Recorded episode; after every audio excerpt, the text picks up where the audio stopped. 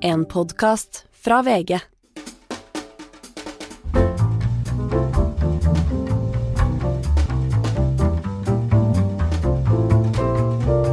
Hei! Her får du en smakebit av min samtale med Marianne Riddervold, professor i statsvitenskap og internasjonal politikk. Vi snakker selvfølgelig mye om krigen, om Nato og Forsvaret, men mest av alt snakker vi om EU. Om hvor tett knyttet vi er til Den europeiske unionen på så mange felt, men uten noe innflytelse, som gjør at vi er eh, ikke-medlemmer, men for alle praktiske formål nesten medlemmer. Og hvordan dette samarbeidet utvides og utvides også på områder som ikke er dekket av EØS-avtalen. Dette er ganske alvorlig for Norge. Vær så god. Og hvilken ytterligere sikkerhet og trygghet kunne et EU-medlemskap gitt oss i dagens situasjon? Nei, det er jo som jeg sa at vi ser sannsynligvis, nå må vi vente og se, da, fordi det er jo fremdeles eh, eh også litt konkurranse mellom EU og Nato om hvem som skal gjøre hva.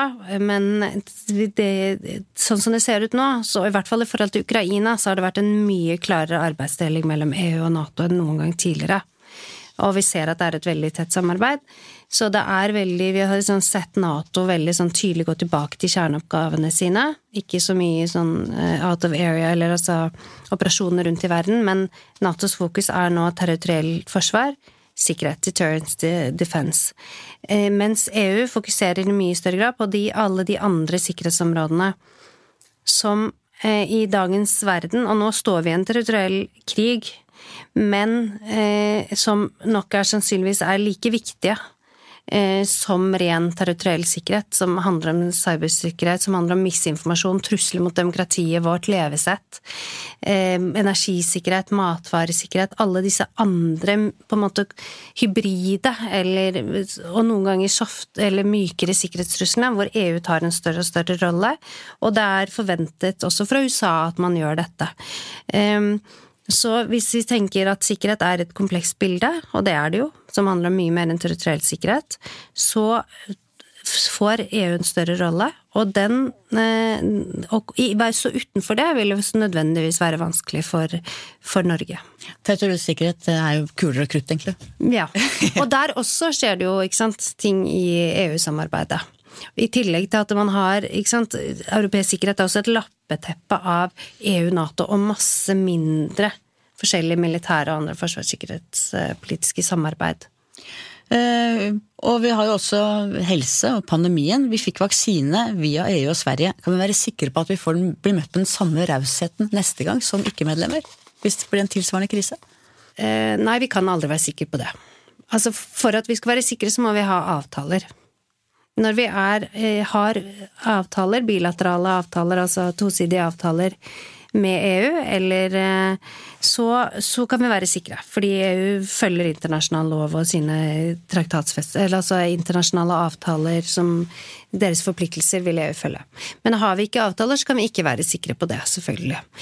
Vi er en, en tett samarbeidspartner til EU, og vi anses som, som, på en måte en del av fellesskapet og lojale, på en måte. Så, så kan, vi, kan, vi, regne med, og håpe på i hvert fall, at vi får være med. Og vi, vi, har også et tett samarbeid med Sverige og Finland som, og Danmark som vi har brukt i EU for å få tilgang til forskjellige ting, sånn som du sa med, med pandemien.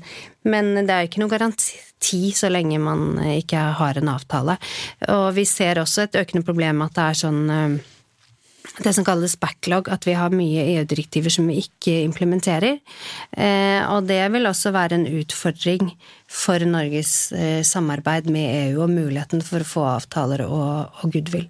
Men den norske regjeringen jobber jo nettopp veldig hardt med å komme inn på sånne områder som f.eks. helse, for å etablere avtaler som gjør at vi kan være sikrere. Så akkurat nå så prøver man jo å komme inn på dette samarbeidet som heter HERA, som er et sånn helsesamarbeid, hvor man, kommisjonen da kan Man har avtaler med forskjellige eh, farmasiselskaper eller legemiddelprodusenter, og så kan man be dem i en krisesituasjon om å legge om eh, produksjonen sin til det man har behov for. Det er f.eks. noe Norge prøver å komme inn i. Men det er også en del av sånne nye, litt sånn hybride samarbeidsmekanismer som utvikler seg i EU, som siden det ikke er liksom rent indre marked løs, EØS eller rent noe annet, så blir det litt vanskeligere for Norge å finne rollen sin. Det er jo litt artig da, å se finansminister Trygve Slagsvold Vedum og justisminister Emilie Enger Mehl reise til Brussel, prøve å smiske seg inn og komme seg inn, og så vet vi at de virkelig har hindra norsk EU-medlemskap, og nå er helt avhengig av det. Mm. Er, jeg skal ikke si eh, at det koser meg, for jeg syns det er veldig trist, men jeg tenker at de må jo gjøre seg sine tanker, de òg. Norge som energinasjon, da, hvor viktige er eh, kraftkablene versus den gassen vi eksporterer? Altså er det er det fare for liksom, Europas eh, kraftforsyning hvis vi kutter de kablene, eller er det mest det symbolske og signalene vi sender hvis vi nå stenger eh, noen av kablene med strøm til eh, kontinentet? Altså, nå er jo Norge EUs største gassleverandør, så det er klart de ville hatt et stort problem. Men man kan jo ikke se dette isolert fra det øvrige samarbeidet vi har med EU. Det ligger ikke i Altså Eh, vi kan, vi kan, på en måte ikke si at vi vil være med på så mye vi kan.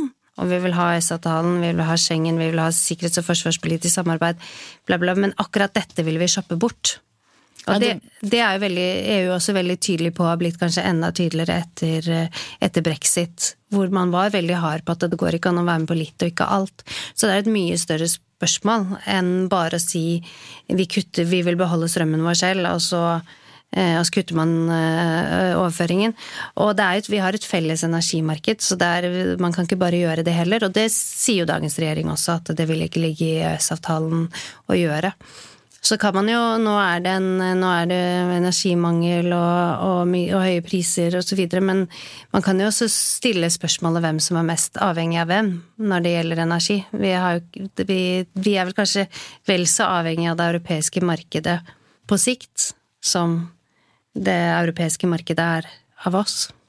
Og så har du da dette med hvordan vi egentlig ses på i EU. Ses vi som en krigsprofitør? Vi tjener jo sjukt mye penger på olje og gass i den situasjonen som er nå. Ja, når man snakker med folk i Brussel eller i andre europeiske land, så er det klart at eh, man ses, ser på oss som en krigsprofitør. Ikke nødvendigvis at det, vi går så veldig inn for å tjene penger på krigen, men at vi per definisjon tjener penger på krigen, gjør jo oss til at vi profitterer på det. Her har du fått en smakebit av min samtale med Marianne Riddervold. Hele episoden kan du høre på Podmy eller VG+. God helg!